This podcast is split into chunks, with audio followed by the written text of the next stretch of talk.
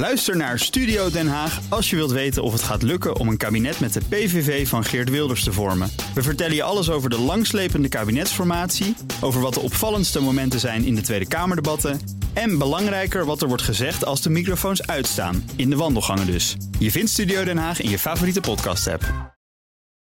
BNR Digitaal wordt mede mogelijk gemaakt door Incentro en SecureLink. SecureLink, safely enabling business. BNR Nieuwsradio. BNR Digitaal. Herbert Blankenstein. Jarenlang was de stad München de lieveling van de open source community. Omdat ze kozen voor Linux en andere open source software zoals OpenOffice. Nu komen ze daar helemaal op terug. Mijn backup is vandaag Ben van den Burg. Welkom Ben. Hallo. En we beginnen met de technieuws. Daarvoor is hier vandaag André van Arnhem. Hoi. Hoi. Google, het is altijd, al, altijd weer erger dan je dacht. Google weet zelfs waar je bent als je alle verbindingen uit hebt staan. Ja, zelfs als je geen simkaart hebt, dan kan je Android-telefoon nog vertellen aan Google waar je bent. Gaat als je de accu eruit haalt? Als je de, dan houdt het denk ik op. okay. Dan, gaat via, via zendmasten voor, voor het uh, telefoonverkeer. Uh, de website Quartz heeft dit uh, uitgevonden en voorgelegd aan Google. Google zegt ja, dat doen wij sinds het begin van dit jaar. Uh, maar we hebben nog niks met die data gedaan en we hebben het ook niet opgeslagen. En zeggen ze erbij. Eind november, dus uh, rond deze tijd, volgende week, dan gaan ze er ook mee stoppen. Zou ook kunnen betekenen dat ze er gewoon mee doorgaan, maar dat er opeens een optie in je telefoon verschijnt om dit uit te zetten. Dat kan nu niet. Ja, nou, uh, iets om duidelijk in de gaten te houden en om uh, een beetje wantrouwig over te blijven. Goed. Ja. Er wordt wel meer informatie over je verzameld zonder dat je het door hebt, bijvoorbeeld als je website bezoekt. Ja, dat is een verhaal uit Wired. die vonden een analytisch, of die vonden analytische software op bepaalde websites. Um, dat is vrij normaal. Hè? Er wordt bijgehouden waar je op klikt en hoe lang je ergens Statistieken, blijft. Ja, Statistieken. Ja, ja. Dit, deze software hield ook bij wat, je, wat voor muisbewegingen je maakte, hoe je scrolde. Eigenlijk alsof er iemand uh, ja, over je schouder ja. En zelfs hoorde ik, uh, als je iets intypte in een formulier... nog voordat ja. je op send had geklikt, keken ze al mee... Dan keken ze al mee je, uh, wat je en wat je ook weer weg had gehaald. Weer een soort ja. keylogger, maar dan heel geavanceerd en, uh, en op afstand. Ging in ieder geval veel en veel verder dan wat we gewend zijn en wat we verwachten. Session Replay Software heet het. Want je kunt zo'n sessie helemaal naspelen. Een van de leveranciers was Full Story. Die waren onbereikbaar voor commentaar. maar een paar websites die, met, die zaken deden met hen zijn daar wel mee gestopt. Ja, Microsoft was daarbij, geloof ik, ja. hè, om er maar eens eentje te noemen. Ja, oké, okay, André, dankjewel. BNR Nieuwsradio. BNR Digitaal. De stad München werd in 2003 de kampioen van de open source community door radicaal afstand te doen van Microsoft en te kiezen voor open source en Linux. Pas in 2013 was die overgang compleet. Nu, na bijna 15 jaar en vele, vele miljoenen later, gaan ze weer terug naar Windows. Ik praat over met Valentijn Sessink, oprichter en directeur van de Nederlandse open source dienstverlener OpenOffice. Maar jullie hebben niks te maken met het pakket OpenOffice. Nee, nee. Is dat dan een handige naam eigenlijk? Uh, dat, dat weet ik niet. There's no such thing as bad publicity, zeggen ze altijd. Nee, dat is ook waar. Ja, nou, hartelijk welkom in elk geval. Uh, en terug in de tijd. Uh, we gaan even naar dat jaar 2003 kijken. Waarom koos München? Uh, want het is wel het, het, enige geval dat we kennen, volgens mij zo langzamerhand, in 2003 voor open source. Nou, het is zeker niet. Het, het was het, het, was het beroemdste de, geval. Het is het beroemdste ja. en het was het eerste geval. En dat maakt dat Haarlem ook nog in die richting heeft gedacht. Om ja, er zijn ook Nederlandse gemeenten die naar gekeken hebben. Ik, ik, ik heb uit het open source repository heb ik een lijstje gehaald. München is al lang niet meer de grootste en zeker ook niet meer de belangrijkste. Er zijn er grotere maar, steden dan. Ja. Maar, ja, zeker. Nou en of. ja. ik, ik, ik, lees zo van mijn lijstje de Franse gendarmerie, gendarmerie met 72.000 ja, okay. wegstations. En, maar dat is de, geen stad? Nee, dat is geen stad. Nee. Um, uh, uh, ze moesten overstappen van iets dat niemand meer kent tegenwoordig. Uh. Windows NT4. Ja, oké. Okay. Ja, dus, dat is inderdaad lang geleden. Zij hebben, zij hebben, ik nee, maar heb goed, ook, ze hebben gekozen voor, voor Linux in plaats van doorgaan ik, ik geloof met Windows. Dat ze, ik geloof dat ze vijf ik geloof dat ze vijf alternatieven afwogen destijds. Mm -hmm. En daar zal Windows XP ook bij ja, gehoord Maar waarom hebben ze, kun jij dat reconstrueren ergens, uh, of weet je het uit je hoofd? Waarom hebben ze gekozen voor, uh, voor Linux in dat geval? Uh, volgens mij was dat ook een beetje dat hun eigen economie voorging. Als je licenties koopt, dan, dan uh, stuurde je destijds het geld naar Ierland. En daar werd het afgeroomd. En de rest ging naar de Verenigde Staten of werd opgepot. Ja. En uh, je kunt ook zeggen, we besparen die. De, het zijn een soort gebruikspapiertjes. Hè. Je mag Windows gebruiken en je mag Microsoft Office gebruiken. En daar hebben ze van gezegd, dat willen we niet. Wij, wij, wij denken dat we dat lokaal kunnen inrichten. En dat hebben ze natuurlijk 15 jaar lang prima gedaan. En 15 jaar lang is er een. een de grote schrik van Microsoft was destijds: oh god, als er één schaap over de dam is. Ja. Ik heb begrepen dat ze nog veel geld hebben geboden aan uh, München om dat, uh, om dat niet te doen. Ja, er, er, gingen jarenlang de geluiden dat ze. Ik, ik geloof dat. Nou, hoeveel dat ze dan bespaard hadden. Ik geloof dat over de eerste tien jaar hadden ze 23 miljoen bespaard. En dan waren er andere rapporten en die zeiden: nee, nee, het is helemaal geen 3 miljoen, het is maar 10 miljoen. Altijd. Uh, maar er is nooit een rapport geweest wat zei: het is veel duurder geweest. En ik denk dat dat wel relevant is. Eventjes naar Ben. Ja. Je hebt een eigen bedrijf. Wat voor besturingssysteem gebruiken jullie? Ja, allemaal, het is wel allemaal Windows. Maar ja heftige discussies natuurlijk. Dat we oh, wat, wat staat er voor je? Ja, Apple inderdaad. Dus heftig. Dus, nee, maar alles op 365. Maar heftige discussies natuurlijk. Dat we alles in Google Docs. En dan stuurde. Bijvoorbeeld ja. gisteren stuurde iemand wel een Windows. Uh, weet je, maar waarom geen Linux, Ben? Nou ja, ja, sommigen natuurlijk ook weer Linux. Draaien natuurlijk ook parallel. Maar het Office systeem is bij ons Windows. En maar wat ik interessant eraan vind. Ik denk als je core. Kijk, wij proberen alles. Maar als je core is een gemeente. Dan moet je zo standaard mogelijk. Je bent geen software developer. Dan zou ik gewoon zo voor zo'n degelijk mogelijk systeem. En dan moet je niet gaan experimenteren. Daarom vind ik München vind ik apart en raar. Ja, uh, Valentijn, ze gaan nu terug naar uh, Windows. Terwijl jij zegt, ze hebben het al die tijd prima gedaan. Vinden ze zelf blijkbaar niet. Ja, ik denk dat het gemeentebestuur denkt... als we er nou een, een, standaard etiket op plakken... we gaan naar Windows 10 en dan zijn we af van dat gezeur. Maar volgens mij, is, volgens mij is het probleem bij een gemeente... is dat je je back-end, dat je allemaal koppelvlakken hebt. Koppelvlakken met, met uh, systemen voor uitkeringen... systemen voor burgerregistratie... systemen voor incidentmeldingen... systemen van, van weet ik wie allemaal. En die koppelvlakken, dat is je belang.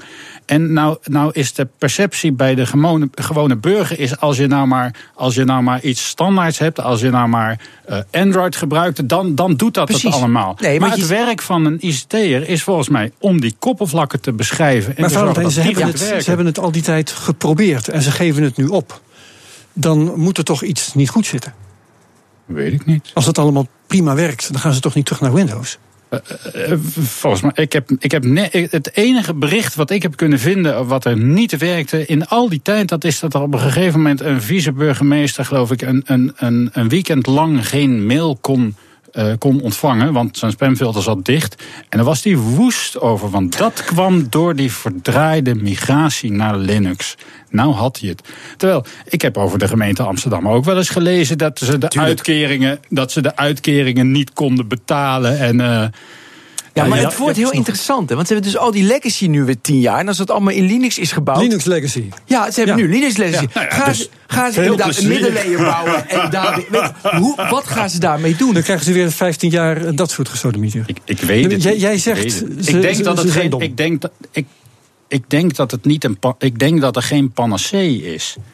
Ik denk, dat, ik denk dat er niet een oplossing is waar je in één keer gelukkig van wordt. En ik denk dat de gemeenteraad nu denkt, nou, dan hebben we 15 jaar lang van allerlei lobbyisten en weet ik wat gehoord dat dit niet goed is. Nou, in vredesnaam dan maar. Dan gaan we nu in 2020 moeten een Windows 10 werkplek zijn. Ja, ja dat, je, tegen die tijd is Windows 10 ook vijf jaar oud. hoe, hoe slecht oh, is dit voor de open source community? Want het is natuurlijk wel weer uh, vervelende publiciteit. Uh, München, zelfs München geeft het op. Nou, dat, dus, dat dus is hoe lastig wordt, maakt dit het voor andere partijen om nu weer over te stappen op Linux? Hoe, hoe lastig maakt het dit voor andere partijen om te vertellen wat ze doen? En dat is wat ik om me heen hoor. Ik heb, uh, uh, ik heb, ik heb zoals ik zei, ik heb in het, uh, in het open source repository van de Europese Communie, ehm, van de EC gekeken. JoinUp heet dat. -hmm. die hebben allemaal prachtige voorbeelden. Maar tussen de regels door hoor je... Waar het werkt. Dat werkt allemaal, ja. Zoals die Franse gendarmerie. Daar is, ja, en de, en de, en de Duitse deelstaat Schleswig-Holstein... die besloten heeft van we gaan alles op open source omzetten. Alleen de CIO daar, die zegt, nou alsjeblieft niet die publiciteit die München heeft gehad. Want voor je het weet heb ik een kudde uh, uh, lobbyisten uit Redmond op mijn nek. En, en, en, en, moet ik over 15 jaar weer terug. En dat wil ik helemaal niet. Ik wil problemen oplossen. Ik wil, geen, ik, ik wil niet een sticker, ik wil niet pro-Linux of pro-Windows. Ik wil gewoon een systeem. Ik moet je zeggen, toen ik het hoorde, toen dacht ik, ja, ik, ik snap het wel. Want ik heb het zelf ook geprobeerd, ongeveer een jaar geleden. Overstap op Linux, cold turkey. En uh, ik kwam zoveel gedoe tegen. Allemaal workarounds die nodig waren. En allemaal dingen die toch net even wat minder ja, maar jij, jij minder moet het, keus jij, in software. Jij moet het ook niet willen. Want waar het om gaat is niet één werkplek of vijf werkplekken. Want voor één of vijf werkplekken kun je misschien beter, uh, daar staat een Mac voor iemands neus en hier zijn vast ook Windows-machines. Kan je beter iets gebruiken wat iedereen gebruikt? Oké, okay, dus voor particulier is het niet een handige keus. Nee, nou ja, dat moet een particulier zelf weten. Ja. Maar op het moment dat je een hele grote hoeveelheid systemen hebt, dan is het aardige dat of je nou één systeem van al die, van al die wijzigingen en trucjes en instellingen en alles waar jij, tegen, waar jij in je eentje tegen aangelopen bent. Als er nou vijf slimme ICT-medewerkers daar met z'n vijven een maandje aan mogen werken en het dan mogen uitrollen over 500 of 5000 of 72.000 of uh, uh, Zaragoza in Spanje 12.000 Linux-werkstations. Kijk, dan heb je een vliegwiel-effect. En dan heb je niet per werkplek ook nog eens voor 1000 euro licentiekosten nodig. Dus volgens jou kan het gewoon wel? Het kan wel, zeker, ja. Dankjewel, Valentijn Sessing, directeur van Open Office. Groep onderzoekers heeft geprobeerd om een stapel luciferdoosjes te leren om boterkaas en eieren te spelen. En het is er nog gelukt ook. Straks meer. BNR Nieuwsradio. BNR Digitaal. Kun je een stapel luciferdoosjes leren om boterkaas en eieren te spelen? Ja, dat kan. Een groep onderzoekers deed het in Engeland. Redacteur André van Arnhem bekeek het filmpje. Je neemt 304 luciferdoosjes. A bunch of my maths buddies and I are positioning 304 matchboxes on a table. And this weekend we're going to teach that pile of matchboxes how to play knots and crosses.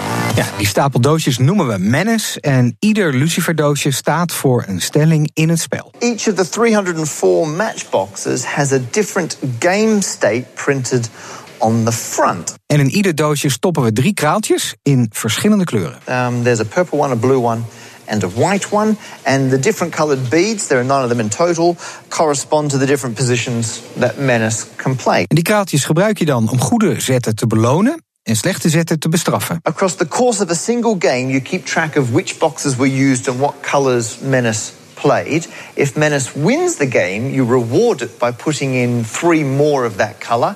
If it loses, you punish it by taking away the color. Het idee is dan om zoveel mogelijk mensen te laten spelen tegen Menace. En dan zou die stapel doosjes vrij snel beter moeten worden in het spel. Al is er ook een kans van 10% dat het systeem helemaal niet werkt. Some of the later boxes can definitely run out, and that's fine. It's just learned to resign because it can't win. But if the first box runs out, it has learned to resign on the first move, and that is bad. Maar het gaat goed en al vrij snel heeft men eens door dat je het beste in het midden kunt beginnen. We didn't teach it that.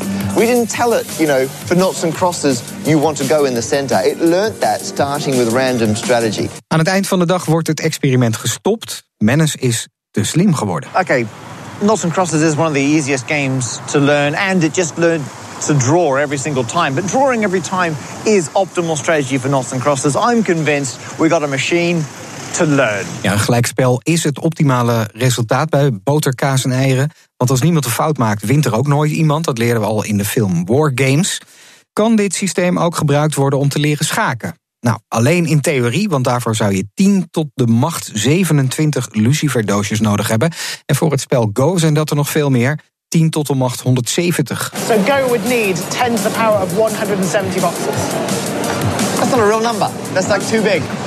I mean, even in software you couldn't have that many states. No, which is why Google do a lot cleverer machine learning than this on Go. Right. So when Google taught a machine to play Go, it wasn't it wasn't like this. It was a bit, bit more no, clever. so this is the basics. Ja, een uh, kunstmatig intelligente stapel luciferdoosjes. Wil je het filmpje zelf bekijken? Link staat op bnr.nl slash digitaal. BNR Nieuwsradio. Herbert Blankenstein. Het Russische antivirusbedrijf Kaspersky speelt een spannende rol in de verhalen over Russische inmenging in de Amerikaanse politiek. Alles draait om malware die ontwikkeld is door de Amerikaanse NSA en die in het bezit bleek van Kaspersky. Hult dit antivirusbedrijf met Poetin of zijn ze het slachtoffer van een ongelukkige samenloop van omstandigheden? Daar praat ik over met Ralf Monen, technisch directeur van beveiligingsbedrijf Secura. Hartelijk welkom. Hallo. Kun je in het kort vertellen wat er eigenlijk is gebeurd? Uh, nou, precies weten we dat niet. Maar uh, grofweg in 2014 uh, lijkt het zo geweest te zijn dat uh, er een hele trove van malware door die Equation groep, wat dus binnen de NSA verantwoordelijk was voor het maken van spionage en cyberwapens, um, die stonden op een PC van een werknemer en daar stond Kaspersky antivirus op. En op de een of andere manier is dat spul bij Kaspersky hoofdkantoor terecht te komen.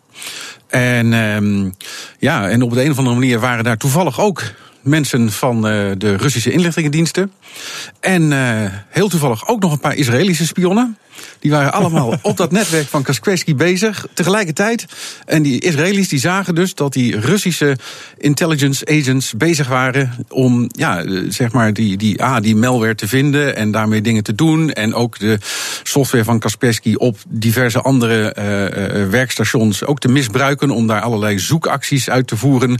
Ja, dus het, het is wel een spionagestriller, zo alles bij elkaar. Ja, ja, ja, waarbij vooral verrassend is dat de Israëlische spionagedienst te vinden is in Moskou en niet in Washington. Maar dat nou, ik denk dat je die overal kunt vinden ja, hoor. Net als de Chinezen en de Russen ook. Ja, ik bedoel. Ja, iedereen is overal. Fijn. Ehm, Kaspersky heeft nou onderzoek gedaan en ze zeggen: ja, weet je wat er gebeurd is? Uh, dus onze antivirussoftware stond daar. Die heeft malware herkend. En uh, die doet dan wat antivirussoftware doet. Die stuurt dat naar huis voor onderzoek. Ja, ja, dat, dat is op zich plausibel. Dat, dat kan ik mij inderdaad goed voorstellen. Maar de vraag is natuurlijk, um, wat doet Kaspersky er daarna mee? Want ze onderzoeken die samples van malware en ze zien wat dat is. En nu hebben ze verklaard dat ze direct daarna het bestand hebben weggegooid. Nou ja, dat, dat deel vind ik weer helemaal niet plausibel, eerlijk gezegd. Mm Want wat hadden ze wel moeten doen? Nou ja, kijk, als jij zo'n malware sample vindt en je gaat dat analyseren, je ziet waar dat vandaan komt. En inmiddels was ook wel bekend hoe die equation groep werkte. Nou ja, ik, ik kan me toch niet voorstellen dat je dat zegt van oh, niks aan de hand, dat gooien we weg. Ja, ik denk dat je daar of verder onderzoek naar doet. En vergeet niet, er kan natuurlijk altijd best wel een insider van een van de inlichtingendiensten bij Kaspersky gewerkt hebben. Sterker nog, ik verwacht dat, want dat zal bij andere bedrijven niet anders zijn. Eh, en die zal misschien gezegd hebben: hé, hey, ik hou even een kopietje voor mezelf of zo.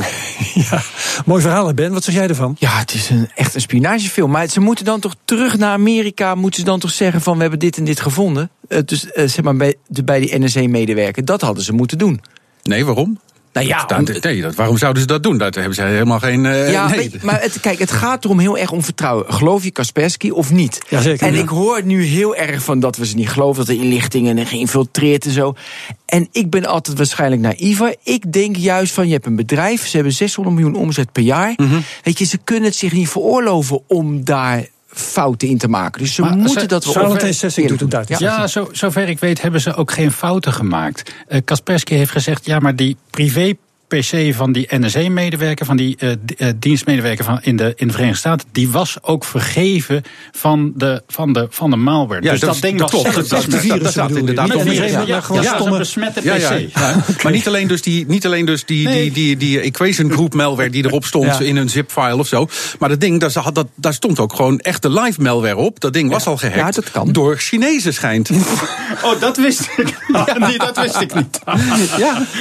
ja, dus, dus het is een pluim pluim op, de, pluim op de hoed van de NSA, zullen we maar zeggen. Ja, ja, ja. ja. Maar um, het is inderdaad een, een kwestie van vertrouwen, hoor ik nou net al. Um, uh, ik vraag het jou op de man af. Jij bent hier de security-expert. Mm -hmm. um, is Kaspersky te vertrouwen volgens jou? Uh, ik zou me als thuisgebruiker geen zorgen maken. Als uh, zakelijk of als overheidsgebruiker zou ik uh, sowieso eigenlijk van non-EU security software wegblijven, als ik heel eerlijk ben. al is het alleen maar omdat als er iets misgaat, dat je binnen de Europese wettelijke kaders een claim kunt leggen bij de fabrikant. En dat gaat je gewoon niet lukken bij Amerikanen, Russen, Chinezen of een weet ik veel wat. Um, ja, wij binnen mijn bedrijf hebben wij in ieder geval de policy dat we voor dat soort zaken gewoon binnen Europa blijven.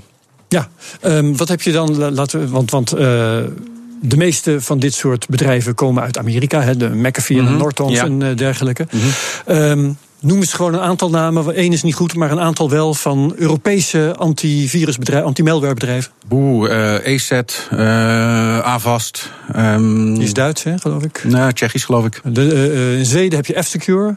Dat is Finland. Uh, sorry, Finland inderdaad. Ja, dus er zijn ja. er wel een paar met andere Ja, oh, zeker, zeker, zeker. Maar, maar in, ja, in een tussenzin zei je van... ja, er zitten altijd bij Corpes zitten ook informanten zitten. Dus jij zegt dat bijna bij ieder securitybedrijf zitten informanten. Nou, of niet je, in Europa en wel in nou, Rusland. Dat vind ik ook weer Nee, dat heb ik niet gezegd. Maar, nee, nee, nee, nee, Kijk, je kunt, je kunt er echt vanuit gaan dat bij grote bedrijven... Ja? dat die sowieso connecties hebben met inlichtingendiensten. Als het gaat om security en cybersecurity... die hebben connecties met connecties inlichtingendiensten. Ja. Maar ja. verder is, is, zijn ze objectief en niet dat, ze, dat de inlichtingendiensten invloed uitoefenen. Nou, dat weet ik niet. De, de, die kunnen best invloed uitoefenen. Wat ja, mijn vraag zou zijn, ik, wat denk zijn dat, dan... ik denk dat dat absoluut gebeurt. Leg eens uit waar ja. die connecties precies voor zijn, waar die toe. Uh, nou, stel je voor dat uh, een, een, beveiligingsbedrijf ergens bij een klant van hun ziet dat er een inlichtingendienst een operatie aan het uitvoeren is. Dan moet die een veiligings van een vreemde mogendheid. Ja, van een vreemde mogendheid, of misschien wel van een bevriende moog, vreemde mogendheid, mm. of, een, of een vijandige, dat weet je dan even niet. En dan, dan zul je zelf dus de vraag moeten gaan stellen: van ga ik dan die klant daarover informeren? En als het een bevriende mogendheid is, misschien moet ik dan wel een andere beslissing nemen. Want je weet niet wat voor operatie er aan de, op dat moment aan de gang is. En daar raadplegen ze dan de inlichtingendienst van hun eigen ja, land voor? Ja, precies. Oké. Okay. Hoe zit het bij jouw bedrijf, om maar even een pijnlijke vraag te stellen? Ja, daar kan ik uiteraard geen uitspraak over doen. nee. Um, Spannend. Ja, dus, dus wij als particulieren kunnen gewoon doen wat we willen. Um, ja, daar zou ik me niet al te veel zorgen over maken. Nee. Nou, ja, mits je dus de spullen van de zaak, mits je de spullen van de zaak niet mee naar huis neemt. Want dat is, daar, goeie, dat ja. is de grote fout ja. van de, deze NSE-medewerker. Dat is inderdaad. Klopt, ja. Geen werk mee naar huis nemen. Tenzij dan weer heerlijk. op. Ja, dat is heerlijk. Tenzij dan weer op spullen van de zaak. Nee, maar je ziet dat dat heel vaak op daar misgaat. Hè? Dat mensen de, de, dingen mee naar huis nemen hè? en dan toch thuis gaan verwerken. Of uh, het blijkt toch nog een kopietje ergens in een of andere cloud of Dropbox ja. terecht te komen. In een taxi. En, ja, of, of een USB-stickje, USB ongekript USB-stickje achterlaten ergens. Dit, dit zijn gewoon datalekken die voorkomen. Ja, absoluut. Het is regelmatig. Oké, okay, we weten weer meer. Dankjewel, Ralf Monen, technisch directeur van beveiligingsbedrijf Secura. Tot zover BNR Digitaal voor nu. Ben van den Burg was mijn backup. Ja, Hartelijk dank.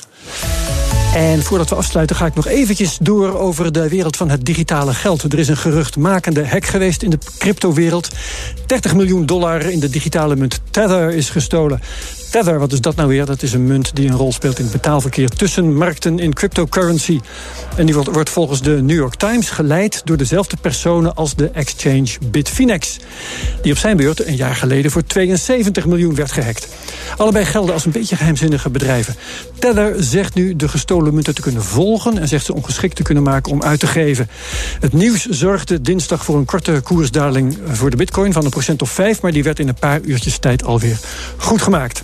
Wij gaan nog heel even naar de redactievloer. Rob Jansen, wat doen de bitcoin en de ether op dit moment? De bitcoin staat op 8200 euro rond. En dat is een plus van 14,4 procent ten opzichte van een week geleden. En de ether staat op 361 dollar 53. En dat is een plus van bijna 8 procent vergeleken met een week terug. Het gaat weer crescendo. Hartelijk dank Rob Jansen. En wat BNR Digitaal betreft, graag tot volgende week. BNR Digitaal wordt mede mogelijk gemaakt door SecureLink en Incentro, een IT-bedrijf. Ook Thomas van Zeil vind je in de BNR-app. Je kunt live naar mij luisteren in Zaken doen. De BNR-app met breaking news, het laatste zakelijke nieuws... en je vindt er alle BNR-podcasts, bijvoorbeeld Het Nieuwe Geld. Download nu de gratis BNR-app en blijf scherp.